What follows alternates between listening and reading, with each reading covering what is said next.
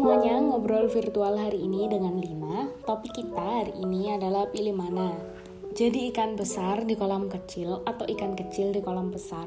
Big fish little pond is a concept well known among education professional. Menurut research dari Stanford Education, pelajar pada tingkat kemampuan yang sama, satu bersekolah di sekolah top, akan memiliki kecenderungan melihat diri lebih tidak mampu jika dibandingkan dengan anak yang bersekolah di sekolah biasa-biasa. Hal ini karena kita sering sekali membandingkan diri kita dengan sesama kita. Sehingga jika kita berada di lingkungan sosial yang memiliki banyak pencapaian, kita menjadi merasa diri tidak mampu dibandingkan jika ketika kita ada di lingkungan sosial yang cenderung biasa-biasa aja. Dengan kemampuan yang sama, bisa jadi kita merasa jadi ikan besar kalau kolamnya kecil, bisa jadi kita merasa jadi ikan kecil di kolam yang besar. Penelitian ini lebih menekankan pada perasaan yang kita rasakan sebagai seorang individu. Apakah kita melihat diri kita ini lebih besar atau lebih kecil, itu juga sangat bergantung pada lingkungan kita. Bagiku, hal ini juga berlaku di dalam banyak aspek kehidupan. Ikan besar, kolam kecil, ikan kecil, kolam besar.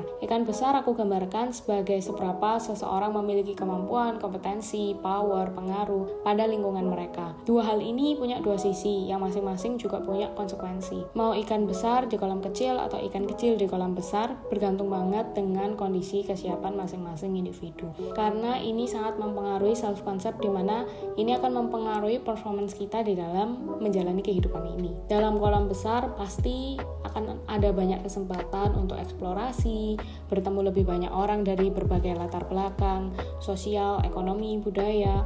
Di sisi lain, pasti kita juga akan merasa diri mungkin merasa lebih kecil karena menyadari dunia ini luas banget. Di mana di atas good masih ada great. Perasaan kecil ini juga pasti ya kadang menghantui lah ya. Ketika seseorang sadar kalau dunia ini begitu luas. Dalam kolam kecil akan terasa kalau kesempatan tuh lebih sedikit. Tapi di dalam kesesedikitan kesempatan ini kita punya peluang untuk jadi yang terbaik. Sehingga ya kelihatannya kita ini orang yang besar di kolam yang kecil itu. Mau pilih yang mana, itu ya tergantung dengan kesiapan masing-masing individu.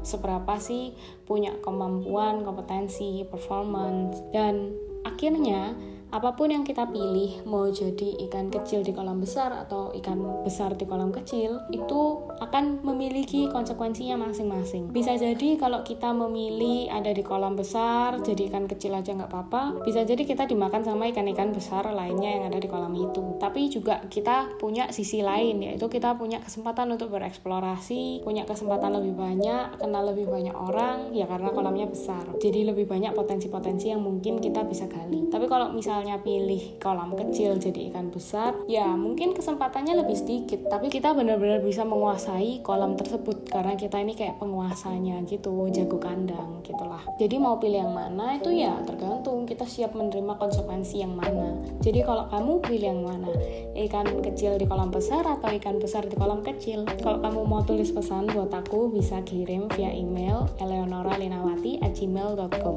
Lagi nggak aktif main sosmed apa pun nih karena lagi fokus buat belajar ujian gitu. Semoga hari kamu menyenangkan ya. Sampai ketemu di podcast episode selanjutnya. Bye.